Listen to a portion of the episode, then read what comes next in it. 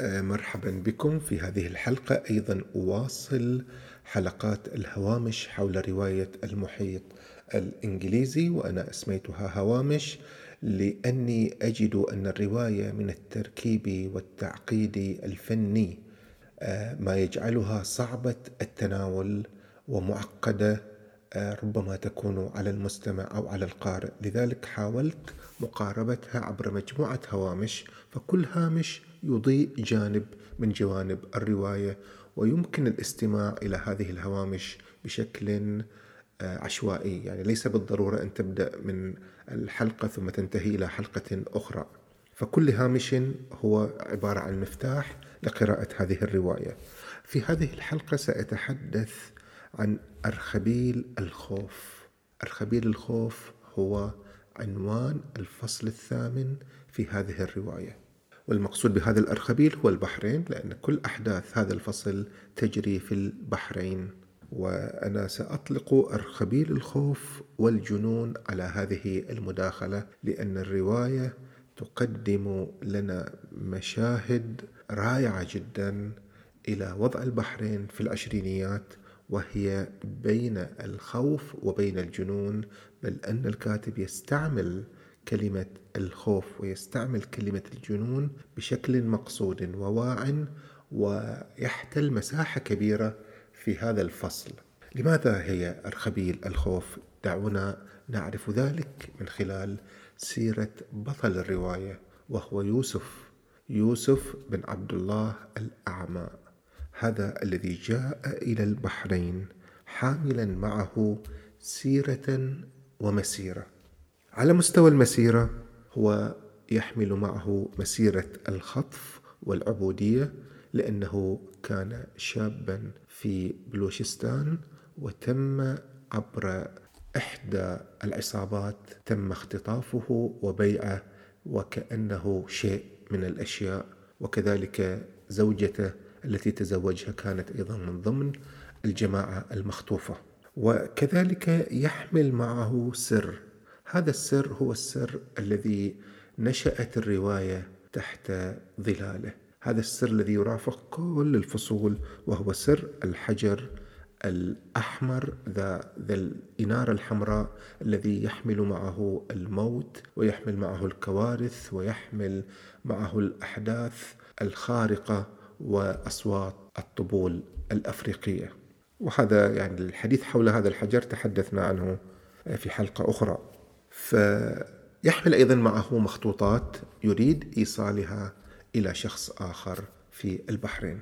وكذلك يحمل سيرة. ما هي السيرة التي يحملها يوسف معه؟ هو سيرة والده وسيرة مولانا رشيد حمدان الذي تربى على أيديهما في قرية سقر في بلوشستان هذه القرية التي دمرت بفعل هذا الحجر.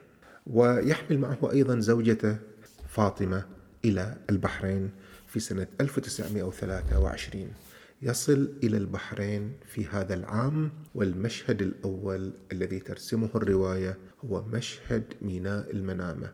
فرضة المنامة هذا الميناء الذي كان يمثل العصب الرئيسي لاقتصاد البحرين ويمثل المدخل الرئيسي للبضائع في البحرين.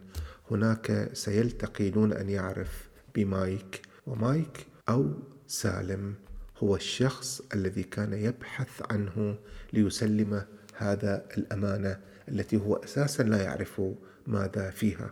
لماذا كان مايك حين التقاه؟ كان في ذلك الوقت يجر في عربة مخفورا أي يعني مأسورا ومرحلا. وسنعرف بعد قليل ما سر ذلك. المشهد الأول الذي يطل من خلاله آه، يوسف على البحرين آه، مشهد يحتاج إلى إضاءة تاريخية لأن هذا المرفأ هو في الحقيقة مدار صراع كبير جدا ومدخل مهم كان لإصلاحات سياسية واقتصادية في البحرين. بعد ذلك يتوجه يوسف إلى شخص اسمه عبد العزيز الحنبلي ومع هذا التاجر النجدي الحنبلي ستنشأ قصة كبيرة وسيكون الخوف هو سيدها. في بيت هذا التاجر الكبير الواسع ذو الغرف هناك مجموعة كبيرة من الخدم والحشم والعبيد فيوسف أصبح واحدا منهم بعد أن استضافه عبر توصية جاءت له من عمان. المشهد الأول في هذا البيت هو مشهد الزوجة فاطمة التي حملت هناك ويقترن هذا الحمل بإرغامه على الزواج من عبدة أخرى حبشية اسمها جوهرة. يتزوج بطلب من عبد العزيز الحنبلي اللي هو التاجر الذي لنقل آه، يعمل لديه ولكن بين قوسين هو كان بمثابة العبد لديه. آه، يتزوجها بطلب منه والسبب في ذلك طبعا لا تقوله الرواية صراحة ولكن يفهم من خلال مسير الرواية أن جوهرة هي امرأة حبشية وكانت لديها يعني مواصفات أنثوية. وهي في الوقت نفسه امرأة مسارة. المسارة هذا النساء العبدات الذين كانوا يجلبون من الخارج كثير منهم هم نساء مسارة يعني تسر يعني ترفه عن سيدها تتخذ فقط للمتعة وبالسر أيضا. فحين حملت هو لا لم يرد أن يعترف بهذا الحمل فطلب من العبد هذا أن يقوم بهذه الزيجة فهو لا يملك قرار نفسه. وهذا الأمر كما تقول الرواية أمر مألوف جدا في هذه البيئة في بيئة أو فريق كما قال الفاضل وهو كان يركز على هذا الفريق أو هذا الحي كما يسميه لأنه آه، يجد فيه كل هذه المظاهر مظاهر العبودية مظاهر التجار آه، مظاهر النساء اللاتي كن يستخدمن إلى المسارة. فيقوم بهذه آه، الزيجة وتنجب له ابنا ويسمى سعود وهذا الابن كان يحمل ملامح نجدية كما تقول الرواية. إلى هنا الرواية تجري بشكل هادئ ولكن هذه جوهرة تفاجئ في ليلة من الليالي البطل بطل الرواية يوسف بطلب الطلاق فيقوم بتطليقها دون الرجوع إلى سيده وهنا يفتح عليه باب النار. يقوم سيده طبعا بمعاقبته وضربه وطرده وتتكرر هذه المشاهد كلما جاءت جوهرة ولجأت وطلبت شيء من يوسف. مشاهد طبعا مفصلة جدا في الرواية آه، ويوسف كأنه بهذا الفعل كان يتحدى من حيث يقصد أو لا يقصد يتحدى سلطة هذا التاجر الحنبلي عبد العزيز وهنا بالمناسبة لابد أن نقول إن صفة الحنبلي التي استخدمتها الرواية أعطتها تبرير إذ أنه لم يكن يتزوج إلا من نساء حنبليات. غير هذا التبرير الحنبلي هنا طبعا يشير إلى طبيعة المذهب ليس فقط الفقهي، هو يشير أيضا إلى طبيعة المذهب العقائدي، يعني هو بدل أن يقول أن عبد العزيز هذا كان مذهبه العقائدي على الطريقة الوهابية، قال فقط حنبلي ليخفف من أمور الرقابة. يمعن السرد في الذهاب في قصة هذا التاجر فهذا التاجر الحنبلي النجدي الذي عرف بالقيام بأعمال الخير هو في الوقت نفسه يبرز في هذه الرواية الجانب الشرير منه مع التعامل مع هؤلاء العبيد الذين لم يستجيبوا لأمره. يعني هو يقوم بأعمال إصلاحية بسبب أنه تاجر كبير يستورد البضائع ويوردها على مستوى الخليج ولكنه في الوقت نفسه يفقد هذا البعد الخير وهذا البعد الذي يظهره في مظهر الصلاح حين يتعامل مع هؤلاء الأجناس مع هؤلاء العبيد لأنه أساسا لم يكن يشعر بهم أو لم يكن يشعر بأن هؤلاء أساسا أناس قد ظلموا كأن الأعراف العامة تبرر ذلك. لذلك الخير الذي فيه لا يصل إلى هؤلاء البشر ولا يعتبر أن هذا منطقة خير وأن هذا فعل تأديبي بحت. ينتهي الأمر اذا بيوسف وبعائلته إلى أن يعيشوا على الحزام حزام المنامة وهو حزام بؤس ومزابل وأعراش وبرستجات وفقر مدقع جدا وهويات غير معترف بها. وهنا فعلا السرد يرينا هذا الجانب الذي لا نراه ربما في الكتب التي تمجد في الشخصيات التي كانت لديها تجارة. وأنا هنا يمكنني أن أستحضر أمثلة كثيرة. يمكننا أن نستحضر أمثلة كثيرة على كتب في السيرة وفي التاريخ تمجد في تجار عاشوا في هذه الفترة ولكن هذا السرد وهذا عظمة السرد أنه لا يذهب إلى التمجيد إنما يذهب إلى التنقيب. يرينا هذا الجانب المظلم من شخصية الإنسان وهذا الجانب المظلم من أرخبيل الخوف هذا الخوف الذي عاشه عاشته عائلة يوسف زوجته التي امتنعت طوال سنوات طويلة عن الكلام بسبب هذه هذا الظلم الذي عاشته.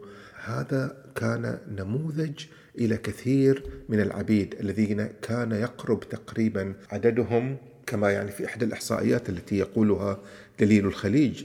لويمر لويمر كان يقول إن تم تحرير فيما يقرب خمسة آلاف عبد وهناك أيضا عدد مثلهم قد اندمجوا ضمن هذه القبائل التي حررتهم وأصبحوا طبعا يعملون كثير منهم كان يعمل في المراكب يعمل في الغوص يعمل في البحر يعملون خدما يعملون حشما يعملون صبابي قهوة يعملون في المسارات يغنون إلى الشيوخ.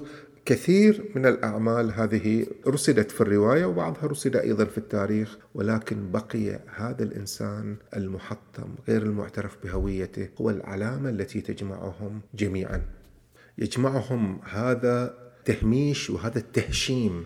كانوا مهشمين يعني الضرب الذي وقع على يوسف كان يعبر فقط لا يعبر فقط عن التهشيم إنما يعبر أيضا عن التهميش للجنس الذي كان ينتمي إليه يوسف.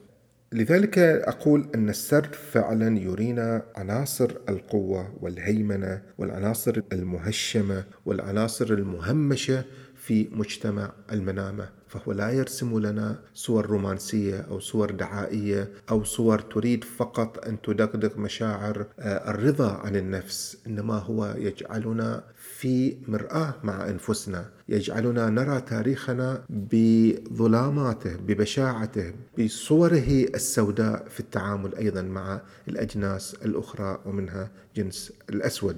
والأسود هنا نموذج. آه، وبالمناسبة يعني يوسف جاء من بلوشستان. لم يكن أسودا لكنه كان أيضا عبدا. آه، وهذا ما أقوله أن السرد له عيون عيون فاحصة. عيون متقصية عيون محدقة تحدق في آلام الإنسان أينما كانت وتبرزها لنا لكي نرى ما لم نكن قد رأيناه هنا أيضا أريد أن يعني أشير إلى جانب أيضا مهم في هذا الخبيل الخوف. هذا الخبيل الذي لم يكن الإنسان يجد فيه دولة ولا نظاما ولا سلطة ولا حكما يحميه كان لا يجد إلا الخوف. يلوذ به. هناك كانت المعتمدية أو دار الاعتماد البريطانية كانت أيضا توفر ملجأ إلى الناس الذين يتعرضون للاضطهادات. لذلك كانت جوهرة حين اختفت ولم يكن يوسف يعرف أين اختفت ولم يكن سيدها يعرف أين اختفت. كانت قد لجأت إلى دار الاعتماد البريطانية لأنها كانت تمثل ملجأ إلى هؤلاء. لكن من جانب آخر لنتذكر أيضا والرواية أيضا تشير في صفحات أخرى إلى أن مايك أو سالم الذي أحب هذا مايك سالم هو كان أيضا من ضمن العبيد الذين تم تحريرهم في مدرسة العبيد وجاء إلى البحرين وعمل في الإرسالية الأمريكية أحب ممرضة اسمها روث وكانت بيضاء. هذه الممرضة أحبته أيضا ولكن العرق الإنجليزي عرق الكنيسة وعرق المعتمدية البريطانية لم تقبل بذلك لذلك قامت بسجن سالم أو مايك في دار المعتمدية السياسية. هنا يتوضح لنا فعلا هذه التناقضات التي يعيشها المجتمع والتي تعيشها كذلك دار الاعتمادية لأنها كانت تحمي جوهرة من جانب ولكن كانت تضطهد أيضا مايك من جانب آخر لأن لا يوجد بشر متحررون تماما من كل شيء. هناك أحيانا الدين هناك أحيانا المال هناك أحيانا العرق. كل مجتمع أو كل قوة لديها تمركز حول شيء لا تقبل أبدا لأي إنسان أن يتخطاه. آه، دعونا نختم القراءة قراءة هذا الهامش بقراءة نص من الرواية يوضح لنا جانب مما قلنا. آه، تقول الرواية في صفحة 352 في أرخبيل الخوف. سمعت عن أغرب الحكايات في الهجرة والهروب من قرى وبلدان كثيرة من خارج البحرين وداخلها خصوصا فرار نساء وفتيات خوفا من القتل بسبب, حملهن بأجنة لم يستطعن التخلص منها أو تعرضن لاغتصاب من محيط عائلتهن أو بوهم الحب والخداع أو دون سبب واضح سوى الغريزة الجنسية. طبعا من الذي كان يفعل ذلك هم أصحاب القوة. من الذي كان يفعل ذلك هم الذين يملكون الفداوية.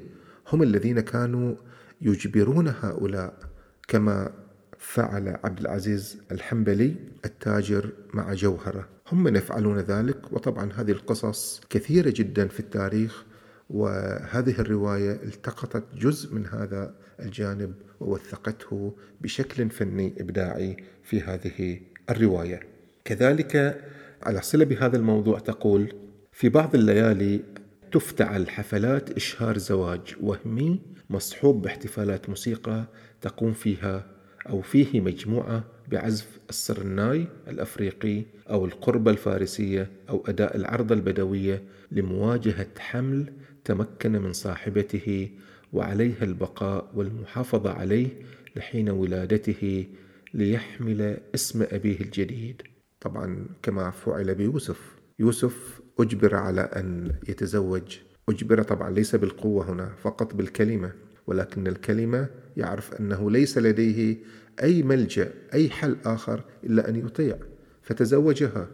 ونسب سعود الذي هو ابن عبد العزيز نسب إليه لأنه لا يريد هذا هذا العرق أن يكون له صلة بدمه. جانب الجنون. سأقرأ مقطع لأوضح لماذا أسميت هذه الخبيل الخوف والجنون. الخوف يؤدي أيضا إلى الجنون. أنت حين تخاف قد يقودك خوفك إلى الجنون. يقول آه، الكاتب يقول أن يوسف صاحب كل مخابيل المنامة وأدرك كرم يعني أدرك هؤلاء كرم يوسف وإحسانه وغدا محط جذب لهم. يتوقعون أمام ظله ويداعبون يقفون يتوقفون أمام ظله ويداعبونه بعذب الكلام. حتى شك يعني يوسف شك أن كل عائلة بحرينية لديها ذكر واحد على الأقل فاقد للعقل. وعلى الفرد إذا أراد أن يكون بحرينيا أن يدفع بأحد أبنائه ليخرج للحياة ناقصا. سورة تعبر عن مأساة البحريني في ذلك الوقت. البحريني الذي لم يجد ملجأ قانونيا يحمي حياته وهويته ويدخله جنة الأمان. لذلك كان أرخبيل الخوف والجنون وكانت المنامة مسرحا إلى ذلك. والكاتب يعتبر أن وجود هؤلاء المجانين في المنامة كان أيضا طريقة ذكية من أهل البحرين للتخلص من أبنائهم الفاقدين للعقل. لذلك لم يكن أحد يعرفهم في المنامة. هم أبناء من؟ هم من صلب من؟ لأن لا أحد يريد أن يحمل مجنون اسم عائلته. شكرا جزيلا لكم.